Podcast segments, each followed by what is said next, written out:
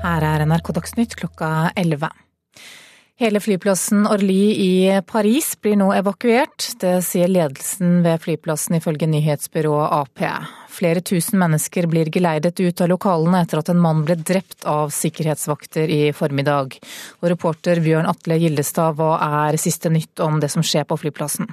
Det viser seg nå at den personen som ble skutt, er den samme mannen som skjøt og skada en politimann under en veikontroll nord for Paris. Dette gjorde han altså før han prøvde å ta et våpen fra en soldat på Orly-flyplassen. Der ble mannen skutt og drepen av tryggingsvakter da han forsøkte å ta våpenet til en soldat på flyplassen. Nyhetsbyrået Reuters melder nå at eh, mannen er kjent eh, radikalisert muslim, eh, ifølge politikjelder. Soldaten, tilhører, soldaten, som eh, ble fratatt våpenet, tilhører spesialstyrkene Operasjon Sentinel. Denne spesialstyrken ble oppretta etter terroren mot satirebladet Charlie Hebdo, og er nå utplassert på utsatte steder i Frankrike. Eh, I Paris eh, får flere fly som lander på flyplassen etter skytinga, ennå ikke slippe passasjerer ut av flyet. Takk skal du ha, reporter Bjørn Atle Gildestad. Skal videre til Lillehammer nå. Langrennsløper Martin Jonsrud Sundby vant Birkebeinerrennet i formiddag. Rennet i klassisk stil går fra Rena til Lillehammer. Og reporter Marte Irén Noreng Trøen, du er i målområdet og det var dramatikk underveis. Ja, det ble litt dramatisk da en scooter kom litt for tett på Martin Johnsrud Sundby i løypa da han hadde omtrent 20 km ratt. Da datt han over enda og mista litt tid, men han mista ikke seieren. Eh, derimot så kan det ha kosta han rekordtida, som sto fra 2015 på 2.19,28. Men han kom altså alene over målstreken her med et veldig stort eh, smil over munnen og mottok premien. På andreplass kom Petter Eliassen, som hadde rekorden fra 2015. I kvinneklassa så var det en nokså bli Justina Kowalczyk som kom over målstreken her. Hun var alene i dameklassen, hun òg. Eh, og leda klart ganske lenge, men greide heller ikke å ta rekorden som Therese Johaug hadde på 2,41. Ellers så stråla sola her på Lillehammer, og det er mindre vind enn jeg hadde frykta i dag. Så jeg tror deltakerne har en rimelig fin, fin tur over fjellet i dag. Og det kommer nok deltakere helt fram til halv fem-fem-tida i dag. Takk skal du ha, reporter Marte Irene Noreng Trøen, som altså er i målområdet på Lillehammer. En 37 år gammel mann er tiltalt for voldtekt og voldtektsforsøk mot to jenter på 14 år på Bjørndal i Oslo. Ifølge tiltalen skal mannen eh, ha forgrepet seg på den ene jenta flere ganger over en treårsperiode, og rettssaken mot ham starter på mandag i Oslo tingrett. NRK Dagsnytt, Anne Jetlund Hansen.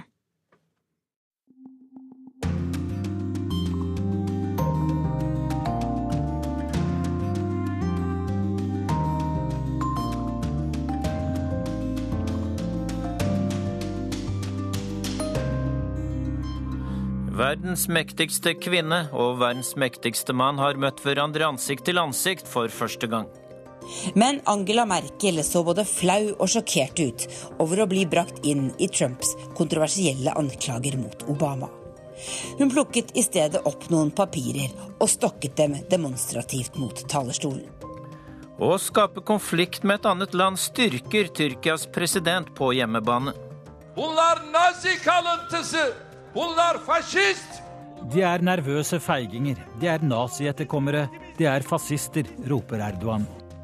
Møt doktor Tom, eneste lege for 750 000 mennesker i Nubafjellene i Sudan. Han er vår Jesus, sa en av Nubafjellenes muslimske ledere. Det nærmeste jeg har kommet en helgen, skrev journalisten i New York Times. Nesten som en klisjé à la Albert Schweitzer, som står på for å redde liv døgnet rundt. I Brasil pågår en svært profilert rettssak. A voz de Deus é a voz do povo. Olha Lula aí de novo. Lula é um grande presidente. Historien om Lula da Silvas liv er som en spenningsroman. Men om hovedpersonen er en helt eller en skurk, er det svært delte meninger blant brasilianerne. Vel møtt til Urix på lørdag, der vi også skal høre at nasjonalister gjør det sterkt i valget i India, og vi skal treffe frivillige som leter etter døde på slagmarken i Øst-Ukraina. Korrespondentbrevet er postlagt i Washington. I studio her, Dag Bredvei. I går møttes to av verdens mektigste ledere, Tysklands forbundskansler Angela Merkel og USAs president Donald Trump. Før vi snakker mer om utfordringene mellom Merkel og Trump sett fra Tyskland, skal vi til USA, der TV-bildene av møtet mellom to av verdens viktigste ledere blir vist om og om igjen. Det begynte allerede under fotoseansen i det ovale kontoret.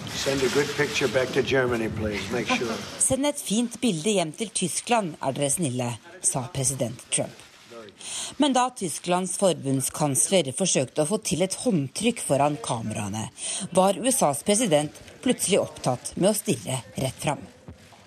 Det ble ikke noe TV-håndtrykk før senere, på pressekonferansen, som også vil bli husket for svaret Trump ga på avlyttingsspørsmålet fra en tysk journalist. Uh, government officials in London today rejected White House claims that the alleged um, wiretapping Han ville ha utdypet anklagene om avlyttingen Trump mener president Obama utsatte ham for i Trump Tower. As far as, uh wiretapping, I guess, by you know this past administration, at least we have something in common, perhaps.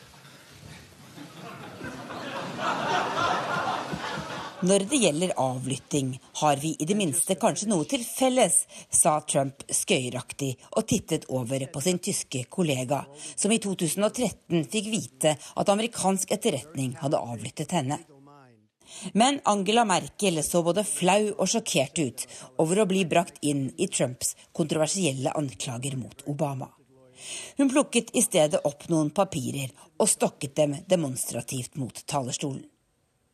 Tysklands forbundskansler hadde kommet hit til Washington for å snakke om viktige saker.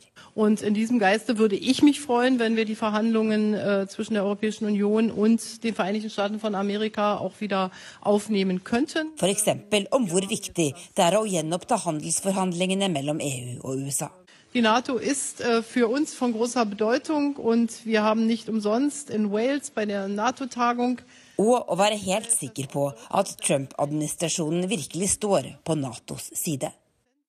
Donald Trump møter den frie verdens leder, lød en av overskriftene her i går morges. Det pleier å være USAs president som blir kalt den frie verdens leder, men nå mener liberale kritikere av Trump at det er Merkel som holder den etablerte verdensordenen gående. I reiterated to Chancellor Merkel my strong support for NATO as well as the need for our NATO allies to pay their fair share. President Trump gjentok nok en gang at han står ved sin støtte til Nato, men at mange europeiske land må betale mer til forsvarsalliansen og ikke har betalt det de skylder. We're working every day to bring back jobs to our country, and thousands and thousands are already coming back. You're seeing it, you're reading about it in the papers. Det Trump imidlertid helst ville snakke om, var ikke overraskende amerikanske arbeidsplasser. Merkel og Trump møtte ledere for en rekke store tyske og amerikanske selskaper i Det hvite hus. Og Trump skrøt av Tysklands suksess med å utdanne industriarbeidere. Ikke minst gjennom å satse på yrkesfag og lærlingeordninger i den videregående skolen. For decades, Germany has been a model for highly successful apprenticeship. That's a name I like, apprentice. Den amerikanske presidenten understreket hvor mye han liker ordet lærling. Apprentice. Navnet på TV-programmet som gjorde ham til superstjerne. Og det sa USA-korrespondent Tove Bjørgaas. Korrespondent i Berlin, Guri Nordstrøm, du er hjemme på en kort visitt og med oss her i studio. Hva er reaksjonen i Tyskland dagen etter at Merkel og Trump møttes ansikt til ansikt for første gang? Altså I Tyskland så blir denne litt eh, kleine episoden med det manglende håndtrykket som vi hørte om i reportasjen er lagt eh, merke til. Eh, enkelte mener det er Merkel som taklet den situasjonen best ved at hun lo og smilte det hele bort, mens de mener Trump virket mer anspent. Eh, det blir også kommentert hvordan de to tydelig har en helt forskjellig stil når det kommer Når de står ved siden av hverandre på pressekonferansen etterpå, både når Trump gjør narr av en reporter, og også når han da forsøker å spøke med denne overvåkningskommentaren som vi hørte. Når han sa det, er det som han tror at han fortsatt er med i realityshowet The Apprentice, er kommentarene i eh, Tyskland. Eh, det var en viss spenning i forkant av møtet, og sett fra Tyskland gikk møtet som forventet? Er litt tilbakeholdne og nøkterne konklusjoner på det. Oppsummeringen så langt er at det gikk vel for så vidt greit. Eh, selv om hovedpersonene selv oppsummerte det med at første møte hadde vært nyttig, så la jo heller ikke de skjul på at de er uenige i en eh, rekke spørsmål. Eh, Süddeutsche Zeitung sier at det er vanskelig per nå å si om dette er begynnelsen på et historisk politisk vennskap, men så, samtidig så skal vi også huske på at det var heller ikke slik at Merkel og Obama fikk tonen med en gang i sin tid. Det tok noe tid før de fikk det fortrolige samarbeidet og gode vennskapet som de vil bli husket for. Men når det er sagt, så er det jo større utfordringer knytta til eh, dette forholdet. Et tema i går var Nato, og Trump har kommet med flere kritiske kommentarer til Nato og ment at eh, forsvarsalliansen ikke kan regne med samme nivå på støtten fra USA. Men her fikk Merkel positive forsikringer i går. Ja, han erklærte sin fulle støtte til Nato, og roste også Tysklands for deres lederrolle under Nato-oppdraget i Afghanistan, men gjentok samtidig det han har sagt hele veien om at USA ikke er villig til å ta størstedelen av regninga eh, lenger, og at medlemslandene må oppfylle forpliktelsene om å betale 2 eh, av bruttonasjonalproduktet til alliansen, noe Tyskland også sier de har som mål å gjøre innen 2025. Merkel hun eh, har med seg en stor næringslivsdelegasjon, og Tysklands næringsminister eh, eh, sa før avreisen til USA at det kan bli aktuelt å saksøke amerikanerne dersom Trump gjør alvor av å øke tollen på tyske biler. Og kan straffetoll havne i retten? Ja, På forhånd så ble jo spørsmålet om handel sett på som det vanskeligste disse to lederne skulle diskutere. Og det var jo også derfor Merkel hadde med seg sjefene for tre store tyske selskaper, Siemens, BMW og Scheffler. Eh, både fordi disse selskapene er store i USA, og fordi hun vet at Trump stoler mer på forretningsfolk enn på politikere. Og dette er jo selvfølgelig for å, for, for å forsøke å forebygge at det går så langt som at tidligere handelspartnere saksøker hverandre men også for å vise at USA selv har stor nytte av et godt samarbeid med Tyskland. Tyskland er den tredje største utenlandske arbeidsgiveren i USA. 700 000 amerikanere jobber i tyske datterselskaper. Tusen takk skal du ha, Guri Nordstrøm. Vi fortsetter med USAs forhold til omverdenen. Utenriksminister Rex Tillerson er i Asia. Nå i dag har han reist fra Sør-Korea til Kina etter først å ha besøkt Japan. Og Asia-korrespondent Peter Svaar i Beijing, hva er ventet å komme ut av møtene i den kinesiske hovedstaden i dag? Ja, nå har uh, Tillerson og Kinas utenriksminister Wang Yi kommet ut fra dette møtet for en liten halvtime siden. og Beskjeden uh, Tillerson fikk uh, her i Beijing, var at nå trengs kalde hoder. At striden om Nord-Koreas atomprogram ikke må komme ut av kontroll. Men Kina og USA har jo nå to helt forskjellige tilnærminger. Kina vil restarte de såkalte seksnasjoners-samtalene. De vil ha forhandlinger. Det ble avvist av Tillerson i går. Han sa at 20 års diplomati ikke har fungert, at tiden ikke er moden for nye samtaler. Og En amerikansk tjenestemann sier også til Reuters at såkalte sekundærsanksjoner skulle diskuteres. Dette er jo på mange måter også en amerikansk trussel mot Kina. Sekundærsanksjoner betyr å ramme bankene som handler med Nord-Korea. De er i hovedsak kinesiske, og det kan innebære sanksjoner som vil få veldig store økonomiske konsekvenser for noen av Kinas største banker. Men det vil jo også forsure forholdet veldig mellom USA og Kina og gjøre samarbeidet enda vanskeligere. Derfor har man ikke gått til det skrittet enda. Eh, når USA sier alle muligheter er på bordet, hvilke muligheter tenker de på da? Ja, For å si det veldig enkelt, så krever alle andre løsninger enn den rent militære en form for samarbeid med kineserne. Enten det gjelder strengere sanksjoner der varene passerer over Kinas grense, eh, eller noen form for forhandlinger. Så der er jo også Kina, kineserne sentrale. Og det er jo en nøtt nå for Trump-administrasjonen. De har brukt mye av valgkampen på en tøff retorikk mot eh, Kina. Eh, varslet handelskrig osv. Men USA mener det er mer å gå på når det gjelder sanksjoner. Det handler jo om strengere håndhevelse av de de nåværende veldig strenge sanksjonene som er på plass allerede. Der har Kina lenge blitt mistenkt for å slippe igjennom mer f.eks. kull enn det de offisielt oppgir. Eh, det kan handle om sekundærsanksjoner som også vil ramme eh, Kina. Og ehm, det kan også være snakk om å presse kineserne til å også stenge oljetilførselen til Nord-Korea eller ramme tekstilimporten. Eh, og så er jo det andre sporet forhandlinger, og der mener de fleste at det beste man kan oppnå nå, er en frys i atomprogrammet, ikke en avvikling. Og det oppnår jo ikke USAs viktigste mål nå, som er å hindre Nord-Korea i å få langtrekkende atomvåpen som kan true USA. Det er det ventet at de vil få innen ett til to år. I går eh, holdt Tillerson også mulighetene åpen for militær maktbruk, og hvordan ser Sør-Korea på det? Jeg tror for sørkoreanerne at den type språkbruk er viktig. De har vært opptatt av nettopp disse forsikringene om at eh, alle muligheter er på bordet, og eh, se på det som eh, et signal om avskrekking og tegn på styrken i alliansen med eh, USA. Samtidig så ser eh, de på et militært angrep mot Nord-Korea som ganske utenkelig, fordi det vil føre til så store sørkoreanske sivile tap. Millioner av menneskeliv som kan gå tapt. Nord-Korea har jo et enormt konvensjonelt artilleri ved grensen. bare 40 km i luftlinje fra den sørkoreanske hovedstaden Seoul. Eh, det er lite man kan gjøre for å stanse eh, dette, en slik artilleribeskytning. Eh, så den prisen da, som, som, Seoul er, er for høy til at det å militært angripe Nord-Korea regnes som et reelt alternativ. Tusen takk skal du ha, Peter Svaar i Beijing.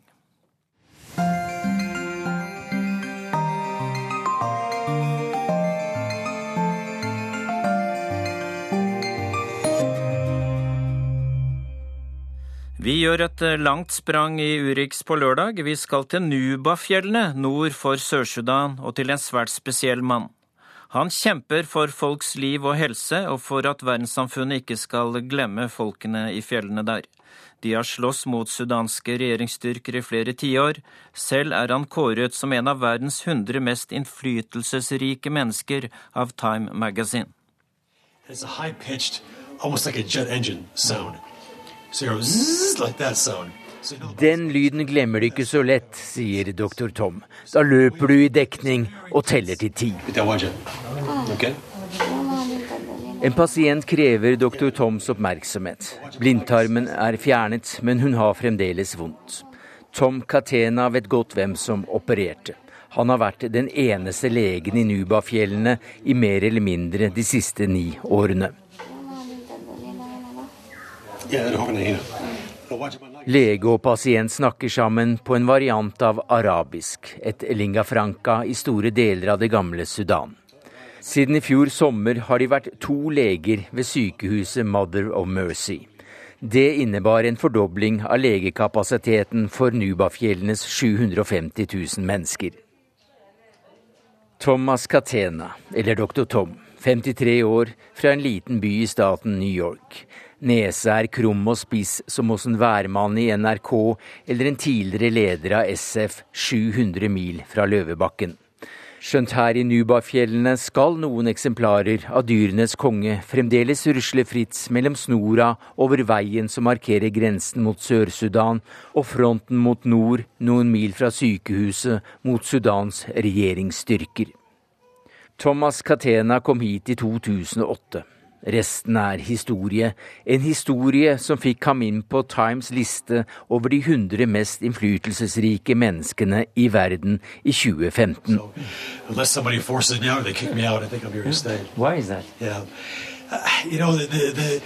Nobody has ever come to the mountains from the outside and said, I don't like it there. I don't want to go back. Every single person I've known that's come from any country mm. outside of here that comes here and says, I want to go back to Nuba. Mm. I want to go back and see that place. The people were so nice. They were so genuine, so friendly. Uh, it's a very welcoming place. They don't look at you as being someone superior to them. No, they take you as you are, which I appreciate.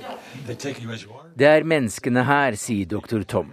Du glemmer dem ikke, du vil tilbake. De er åpne, stolte, selvstendige og varme. De siste månedene har det vært en slags våpenhvile, men nå er den største trusselen sult. Nylig giftet doktor Tom seg med en lokal kvinne, fra dette landet som Gud glemte. Han ville vel ikke sagt det slik selv, som en sterk troende katolikk, men beklager sterkt at denne delen av jorda på størrelse med Østerrike er glemt av resten av verden. I would say the way it is now, Uh,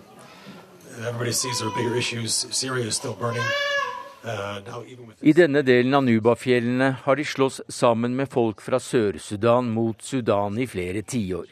Men da verdenssamfunnet med Norge i tetssjiktet jublet fram et selvstendig Sør-Sudan i 2011, måtte Nubafjellene fortsette kampen mot regimet i Khartoum alene. Sør-Kordofan heter området på kartet.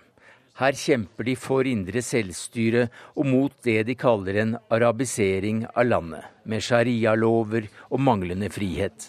De fleste her er kristne, men mange er muslimer. Begge religioner blandet godt opp med lokal animisme. Sykehuset har selv vært et av målene for de tusenvis av bomber som er signert krigsforbryteren al-Bashir i Khartoum. Selv har doktor Tom overlevd ti-tolv av dem som har truffet veldig nære. Han er vår Jesus, sa en av Nubafjellenes muslimske ledere. Det nærmeste jeg har kommet en helgen, skrev journalisten i New York Times. Et ikon i grønn legekjortel, stetoskop rundt halsen, som trosser bomber 40 varmegrader og fravær av det mest nødvendige for et sykehus, som ambulanse og rene lakener. Men han fins altså fremdeles i 2017, nesten som en klisjé à la Albert Schweitzer, som står på for å redde liv døgnet rundt. Forbildet er Frans av Assisi men han savner amerikansk fotball og en kald Budweiser. Han tier om sin egen heltestatus, men snakker gjerne om trusselen fra nord. North, Khartoum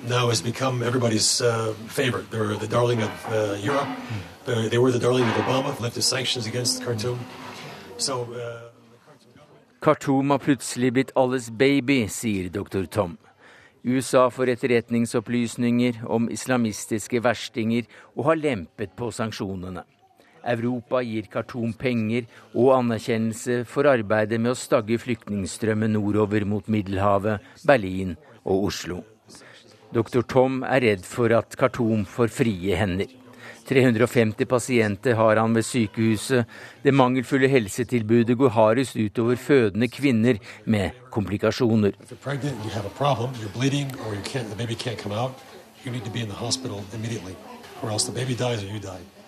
Kvinner som føder kan ikke gå hit på beina i seks-sju timer, sier dr. Tom. Biler er det få av, busser fins ikke, og veiene er elendige i tørt vær og nær uframkommelige i regntiden. Landet har ikke én meter asfaltvei, ingen telefonlinjer eller et strømnett. Heller ikke sykehuset har innlagt vann eller kloakk. FN og internasjonale hjelpeorganisasjoner er bannlyst og forbudt av Khartoum-regimet. Her er verken Røde Kors, UNICEF eller Kirkens Nødhjelp. Noe hjelp smugles inn, men verken guvernører eller generaler får lønn. Dr. Tom er ansatt av en katolsk hjelpeorganisasjon. Lønna var drøye 3000 kroner for et par år siden. Arbeidstiden døgnet rundt. Yeah. You can take somebody who's very sick and turn that situation around and see the person walk out of the hospital healthy. It's, it's very gratifying. I think there's no, there's no feeling like that in the world. De siste månedene har det vært en slags våpenhvile, sier dr. Tom. Men om ikke verdenssamfunnet holder presset mot Khartoum oppe, så vil krigsforbryteren ha frie hender til å gjøre Nubafjellene til et nytt Darfur, mener legen. Det er det folk frykter. Derfor må dere ikke glemme oss. That's, that's, that's one of the big fears. The usual I mean, starvation and bombing civilians, this kind of thing. I think we're just waiting for that to start coming back again. Afrikakorrespondent Sverre Tom Radøy har besøkt Nubafjellene.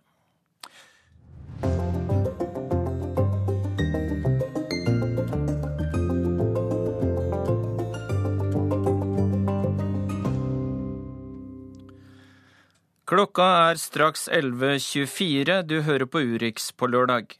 Denne uka har vært preget av ordkrigen mellom Tyrkia og Nederland. Tyrkiske ministre har blitt nektet å drive valgkamp blant tyrkiske minoriteter. Det toppet seg på torsdag. Reporter Øyvind Nyborg har mer. Kjære venner. Vi kjenner Nederland og det nederlandske folk fra Srebrenica-massakren. Vi vet hvor råtten deres karakter er fra deres massakre av 8000 bosniere. Vi kjenner dette så altfor godt, sier president Recep Tayyip Erdogan, til full applaus på hjemmebane. Nederlandske FN-soldater klarte ikke hindre massedrapet i Bosnia i 1995. Det er et ømt punkt for Nederland. Og det er den tåen Tyrkias sterke mann tråkker på nå, to dager på rad denne uken. På gaten i Nederland er Erdogans tyrkiske tilhengere ute og demonstrerer. Politiet rykker ut med hjelm og køller. Tyrkerne var synlig forbannet på at tyrkiske ministre ikke fikk holde valgkampmøter foran den kommende folkeavstemningen i Tyrkia. Nederlenderne ville ikke ha det, og i hvert fall ikke midt i innspurten av deres eget parlamentsvalg, som gikk av stabelen på onsdag. Statsminister Mark Rutte brettet opp armene og sa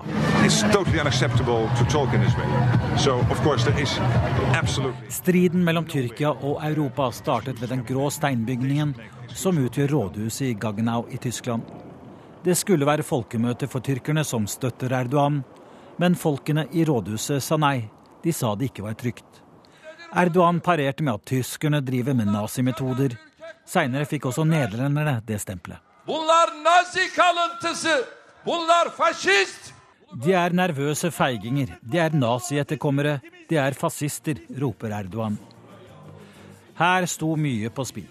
Ikke minst avtalen mellom Europa og Tyrkia om å stanse flyktningstrømmen fra Tyrkia til Hellas. Nederlenderne fikk også høre at de er en bananrepublikk. Hollanda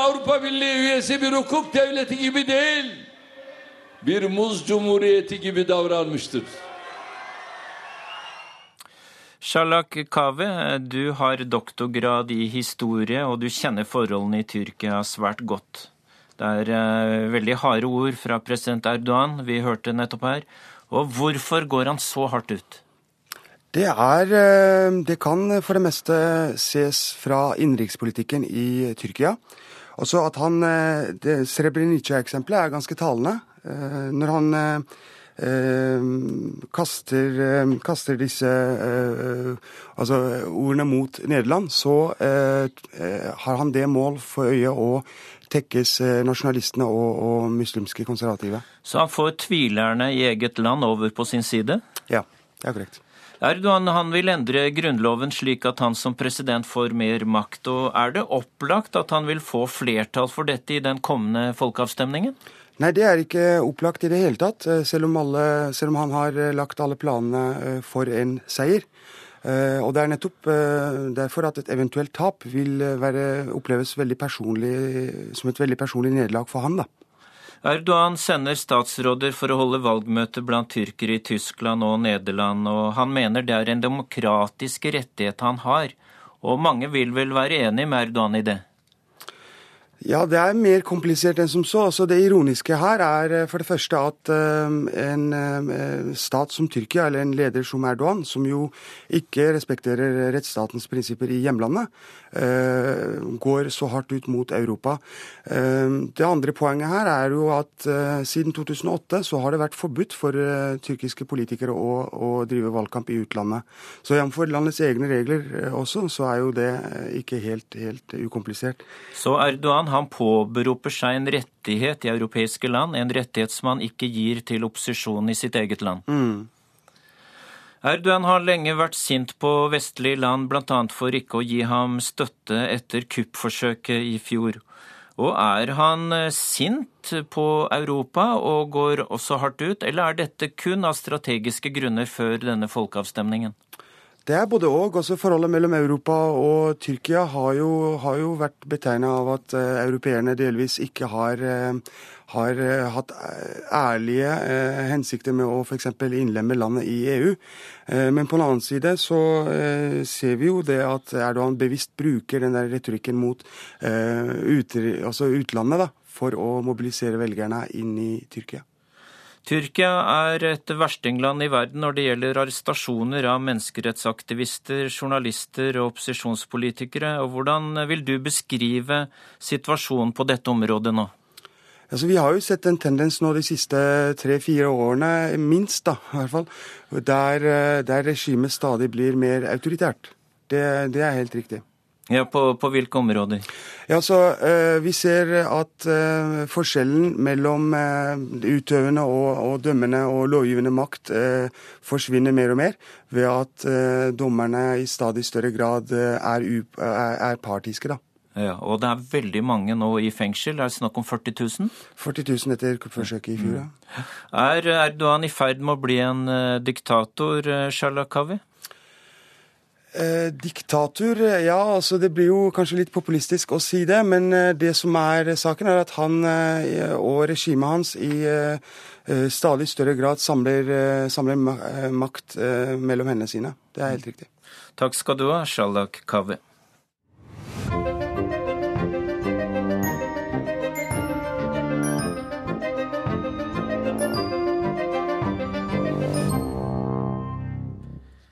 Vi skal til Brasil, der rettsprosessen mot landets tidligere president Lula da Silva startet denne uka. Lula er tiltalt i forbindelse med Petrobras-saken, den mest omfattende korrupsjonssak i landets historie. Saken har stor politisk betydning fordi Lula de Silva er favoritt til å vinne neste års presidentvalg. Arnt Stefansen har sendt oss denne reportasjen fra Brasil. Si det er en pekado, si det er en erro jurídico, en tidligere landsfader står foran sine dommere, og hans ord er bitre. Han avviser alle anklager, og han sier han blir forfulgt av rettsvesenet. Lula da Silva kjemper for sitt ettermæle og for sin politiske fremtid. E há mais ou menos três anos, doutor, eu tenho sido vítima. I rundt tre år har jeg vært offer for det som minner om en massakre. En forfølgelse fra mine politiske motstandere. TV og aviser forteller hver dag om nye vitner som står frem, og at jeg snart blir arrestert. Jeg tror alle forstår hvordan dette oppleves for en tidligere president, for en mann som er blitt omtalt som den største president i Brasils historie, og som hadde støtte fra 87% av landets velgere, sier Lula da Silva. A voz de Deus é a voz do povo. Olha Lula aí de novo. Lula é um grande presidente. Historien om Lula da Silvas liv er som en spenningsroman. Men om hovedpersonen er en helt eller en skurk, er det svært delte meninger blant brasilianerne. Lula ledet Brasil fra 2004 til 2012, en periode med stor fremgang for landet, der mer enn 30 millioner mennesker ble løftet ut av fattigdommen. Men hans maktperiode var også preget av omfattende korrupsjon, i regjeringen og i Lulas parti, det radikale Arbeiderpartiet, PT.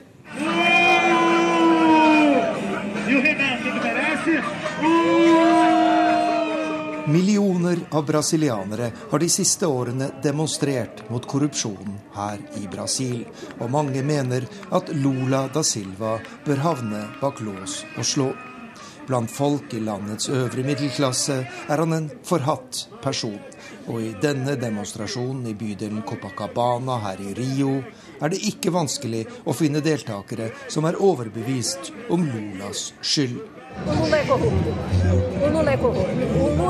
Lula er korrupt, sier den 62 år gamle Marcia de Villacqua her fra Rio. Lula er en svært intelligent person, men han er svært korrupt, sier hun bestemt. Er du skuffet over ham, spør jeg. Veldig skuffet, svarer hun. Han hadde alle muligheter til å gjøre store ting for landet. Han hadde støtte i folket, og de økonomiske tidene var gode. Men grådighet og korrupsjon ødela alt, sier 62-åringen.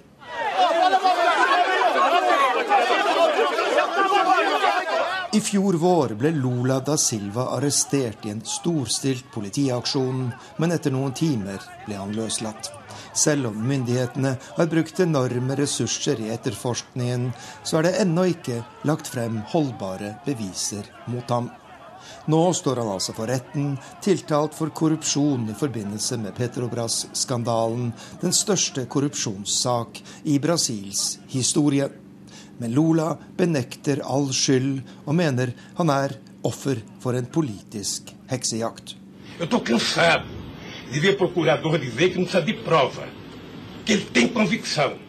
er lei av å ha møter med statsadvokatene bare for å konstatere at de fortsatt ikke har noen beviser. Enkelte dommere sier de har masse bevismateriale, men jeg venter fortsatt på å få vite hva det er, og hvilken forbrytelse jeg har begått. De som har kommet med vitneprov mot meg, er selv forbrytere og snakker i vei for å få mildere straff. Hvorfor skal man tro mer på dem enn på meg, sier den tidligere presidenten.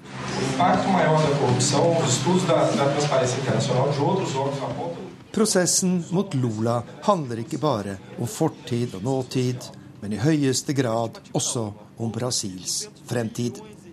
Det som gjør saken ytterst delikat, er at Lula da Silva leder på meningsmålingene foran neste års presidentvalg og kan komme tilbake som landets leder. En skrekkvisjon for høyresiden og Brasils øvre middelklasse. Lula da Silva ble født i usle kår i det fattige Nordøst-Brasil, men banet seg vei til toppen i det brasilianske samfunnet. Hans CV er ytterst spesiell. Skopusser, fagforeningsleder og president i verdens femte største demokrati. Nå kan han altså komme tilbake til makten. Men han kan også havne i en fengselscelle.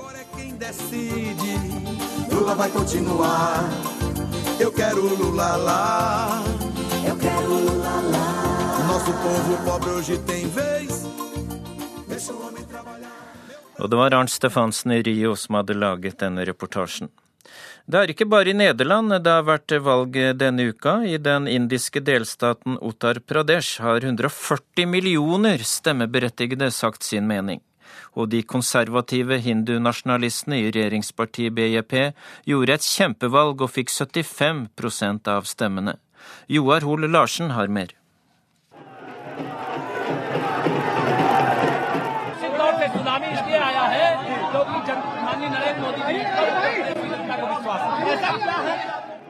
Han er midt i seiersrusen, Keshav Prashad Mauria. Så har det også BJP, partiet han leder, gjort et ikke bare uventet godt, men tilnærmet sensasjonelt godt valg i Uttar Pradesh, som ikke er noe land, men allikevel verdens mest folkerike enhet, som ikke er selvstendig.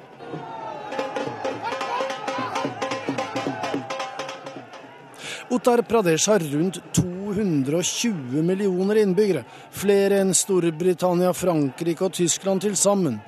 Men allikevel under 20% av befolkningen i India, på et område på størrelse med Norge syd for polarsirkelen.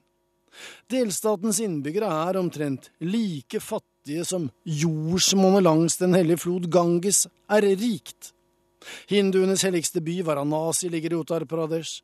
Det samme gjør Taj Mahal, som i utgangspunktet var et muslimsk mausoleum, men som i dag er alle inderes nasjonalhelligdom.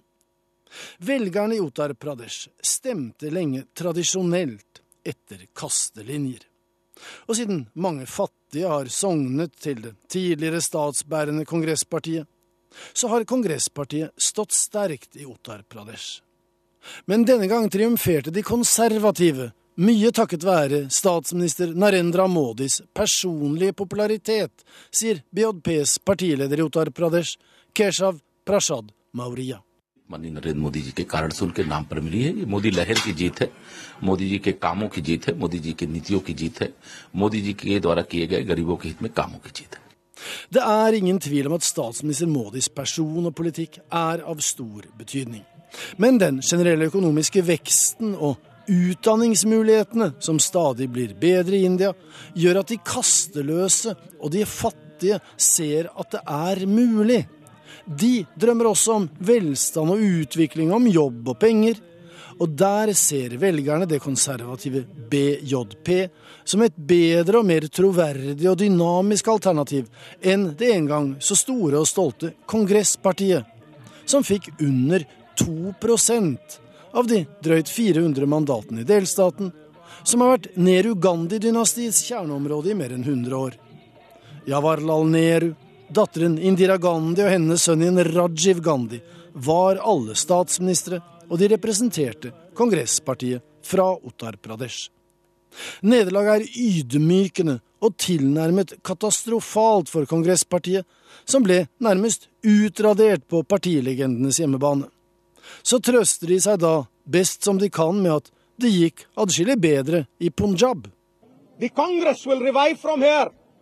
Take energy from Punjab and spread, mark my words. Men dette er det tredje valget der kongresspartiet har gjort det dårligere enn fryktet, under ledelse av Rahul Gandhi, fjerde generasjons partiadel og ubestridt partiener. Det vil si, han er generalsekretær, mens hans mor, italienskfødte Sonja Gandhi, er partiets valgte leder. Men Raoul er tronarving, og har vært det i mange år, uten å ha inspirert massene. I alle andre land ville en partileder med så dårlige resultater gått av eller blitt sparket, men ikke i India, der Raoul, etter alt å dømme, vil lede partiet frem mot valget på ny nasjonalforsamling i 2019. This is the revival of the Congress. It's just the beginning. Manglende evne og vilje til å fornye partiledelsen i kongresspartiet er godt nytt for landets konservative statsminister Narendra Modi.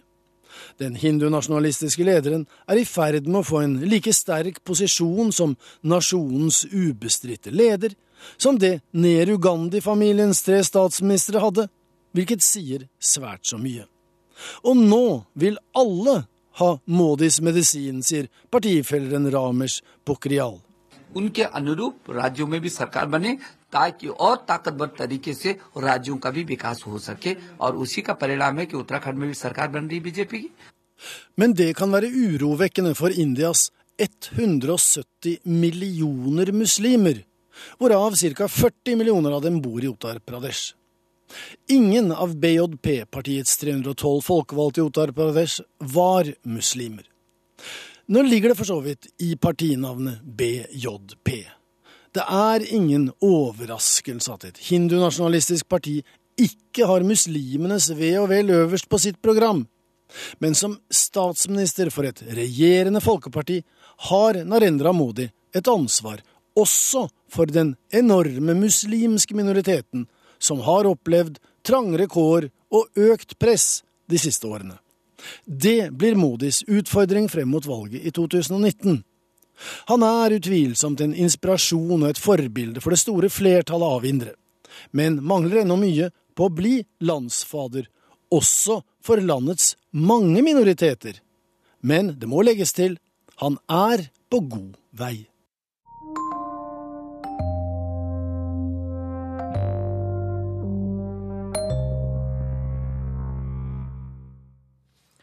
Vi gråt ikke, vi bare gjorde jobben vi ble satt til. Det sier et av medlemmene i den ukrainske organisasjonen Den sorte tulipan. Det er en gruppe frivillige som forsøker å finne falne ukrainske soldater på slagmarkene øst i landet. Fremdeles er det mellom 300 og 500 soldater som man ikke vet skjebnen til. Moskva-korrespondent Morten Jentoft har laget denne reportasjen. Много таких вещей было, как находили сгоревшие оплавленные телефоны. Sergej Bilokin viser meg en utbrent mobiltelefon. Funnet på slagmarken i Donbas, der ukrainske regjeringsstyrker og prorussiske separatister i snart tre år har utkjempet en blodig krig. I dag er telefonen, blodige uniformsrester og andre ting som er funnet på slagmarken, utstilt i et lite lokale i nærheten av jernbanestasjonen i den ukrainske hovedstaden Kiev. Sammen med andre frivillige fra organisasjonen Den sorte tulipan var Sergej blant de første som dro østover for å forsøke å finne de mange hundrede ukrainske soldatene som i august 2014 ble liggende igjen på slagmarken etter et av de blodigste slagene i Europa etter annen verdenskrig.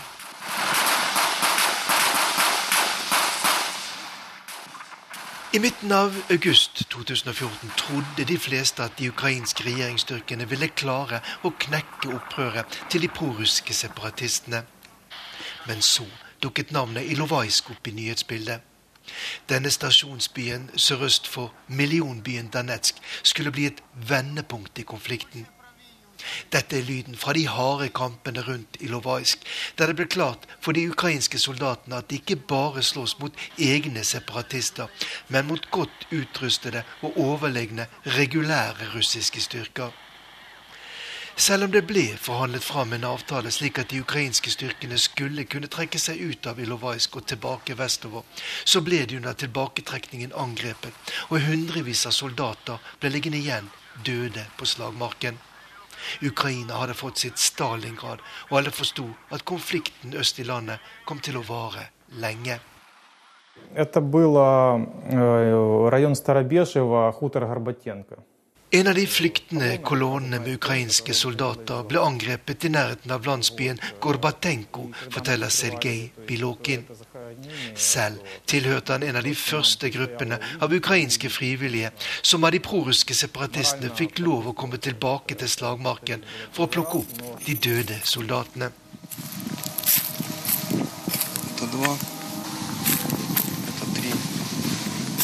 Dette er lyden fra en film som ble tatt opp i samme periode, og som viser hvordan ukrainske frivillige først finner én død soldat, og så en til.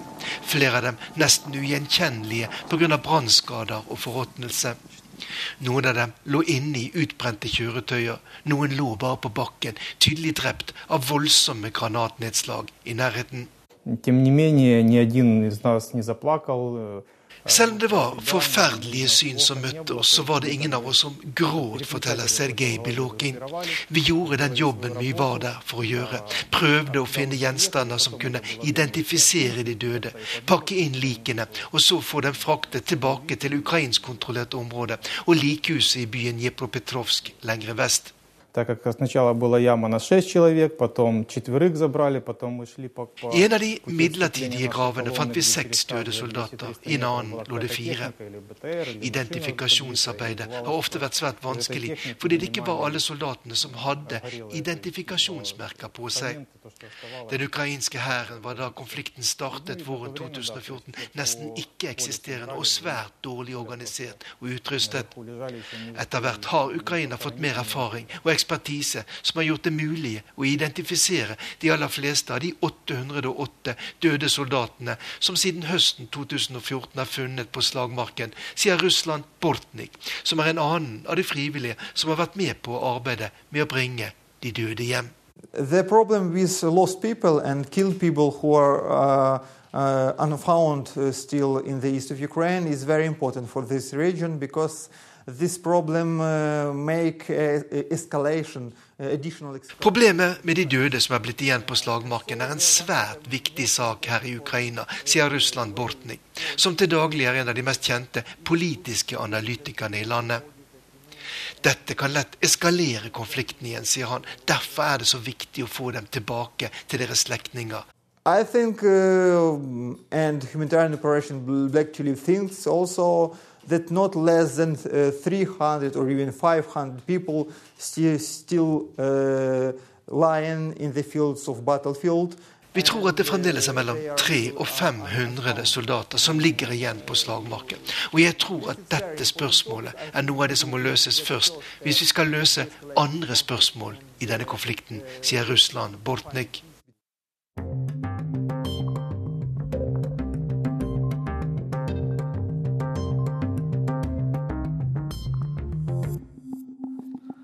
Det er tid for å åpne ukens korrespondentbrev. Hvor mange miles skal en amerikansk bil kunne kjøre på en gallon bensin i 2025? Det er et av de spørsmålene USA-korrespondent Gro Holm tar opp i ukas brev, som handler om biler, kultur og miljøpolitikk. Den var rød, den var sterk og smekker, tok seg uten videre protester opp bakkene mellom de åpne kullgruvene i West-Virginia. Alle fire hjul jobbet, og på lasteplanet satt fotografen og undertegnede. En eh, amerikansk pickup-truck har plass til det som trengs. Folk, redskaper, geværer, bikkjer, slakt, sykler og båter. Den kan trekke andre biler opp av grøfta. Pickupen er på mange måter et moderne uttrykk for utpostlivet, en utfordrer til det urbane, det innestengte livet i en storby. Jeg har aldri likt småbiler selv, og forstår tiltrekningskraften. En bil skal gjøre en jobb, være praktisk, ikke noen pyntegjenstand. Fords F150 pickup har i 36 år vært USAs mest solgte bil. Ett merke, én modell, riktignok med skiftende utseende og spesifikasjoner, men 36 år. Den er selvsagt ikke alene på pickup-markedet. Fiat Chrysler og General Motors er også store, mens utlendingen Toyota aldri har fått samme gjennomslag her som i Asia og Afrika. Det er få kvinner som har pickupen som sin hovedbil. Ifølge analyseselskapet Strategic Vision i San Diego er flertallet av pickup-eierne hvite, middelaldrende, gifte menn. De er generelt konservative når det gjelder både pengebruk og politikk. I den moderne Oscar-nominerte westernfilmen Hell or High Water spiller pickup-truckene omtrent samme rolle som hestene gjorde i gamle dager. Brødreparet Tanner rir i pickupen inn til bankene de skal rane for å redde den forfalne familiegården i Texas fra bankens klør etter at moren er død. Sheriffen i Jeff Bridges rufsete skikkelse jakter på skurkene i en pickup truck. Jeg har alltid undret meg over hvor lenge de bilene kan fortsette å kjøre, med kulehull overalt. Men det er vel slik de er. Hardbarkede og utholdende, akkurat som mennene som kjører dem. I alle fall på film. Pickupen er så viktig på det amerikanske bilmarkedet at selv Tesla-eier Elon Musk jobber med å lage en helelektrisk variant. Han har varslet at prototypen kan komme til å bli presentert allerede nå i år, men den typiske pickup-kjøperen er nok ikke veldig opptatt av miljøet. Og dagens pickuper er definitivt ikke miljøvennlige. Ford 150 hadde ifølge en nettside som følger med på den slags, et gjennomsnittlig bensinforbruk på 1,4 liter på mila i fjor. Det er omtrent som min miljøversting av en SUV, så jeg sitter i glasshus. Men den slags sløsing med drivstoff og miljø skal det bli slutt på, mente Obama-administrasjonen.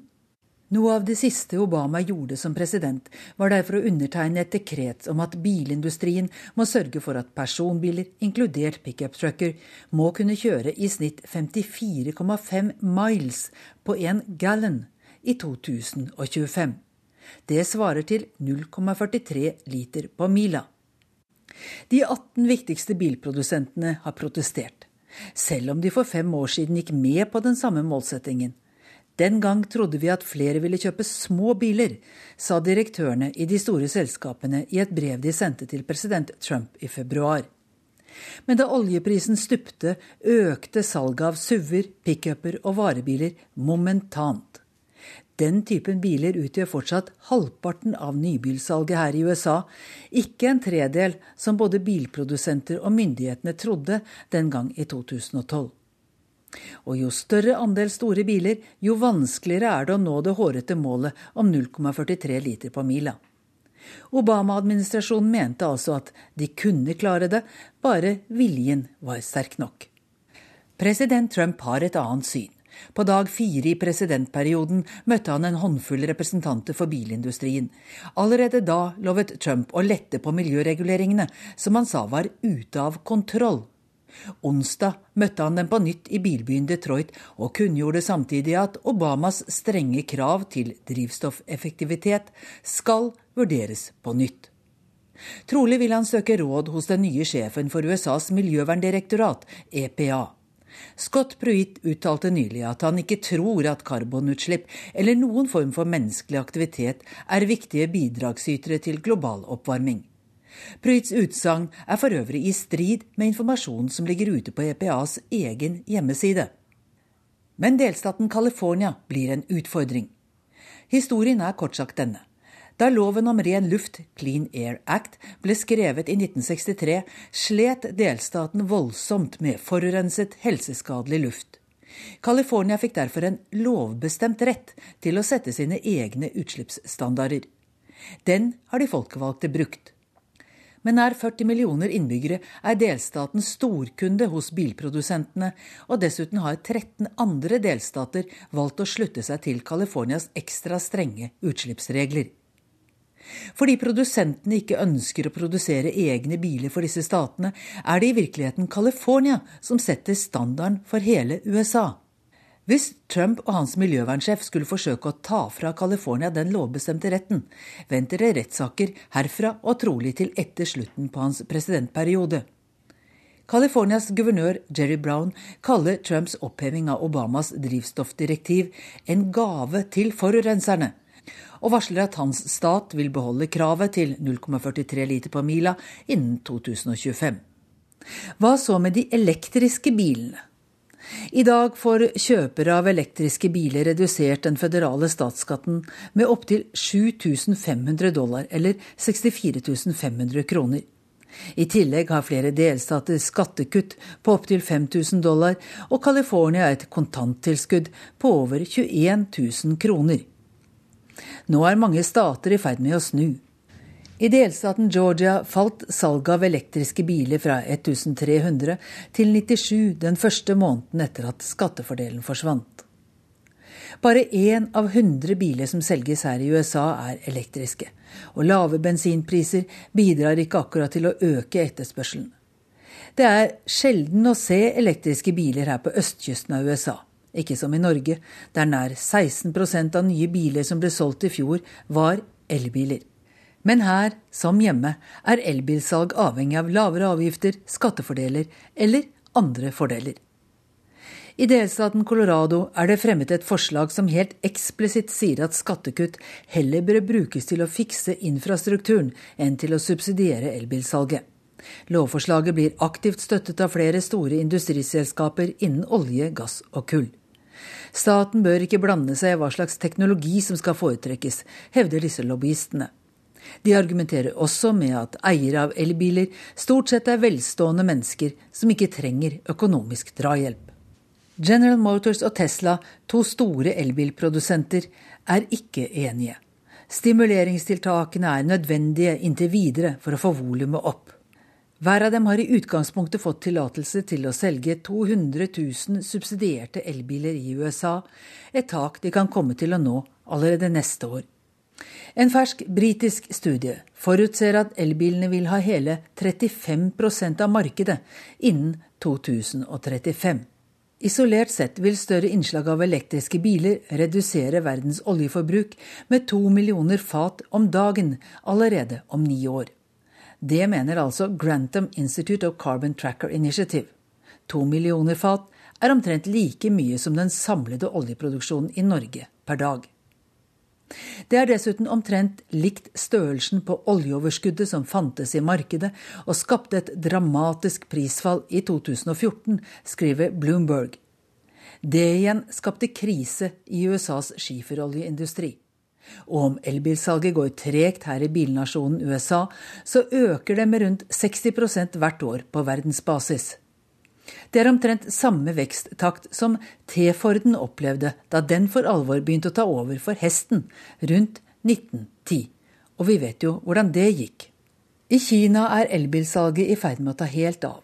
I lille Norge er det nå venteliste på rundt 15 måneder på en ladbar elbil som kan nå fram til de fleste hytter. Det kalde Nordens svar på pickuptrucken, transporteren eller minibussen var for min del en kjærlighetshistorie som fikk en brå slutt i fjor. Gjennomrustet og med store mangler ble den tauet til vraking fra NRKs parkeringsplass. Nå skal jeg prøve noe lite og raskt, og elektrisk. Det neste blir vel solceller på garasjetaket. Først da kan jeg snakke om energinøytralt bilhold. Vi tar med at hele flyplassen Orly i Paris blir nå evakuert. Flere tusen mennesker blir geleidet ut av lokalene etter at en mann ble drept av sikkerhetsvakter i formiddag. Og det blir mer om dette i Dagsnytt nå klokka tolv. Teknisk ansvarlig Erik Sandbråten, produsent Eli Bjelland og jeg, Dag Bredvei, takker for følget.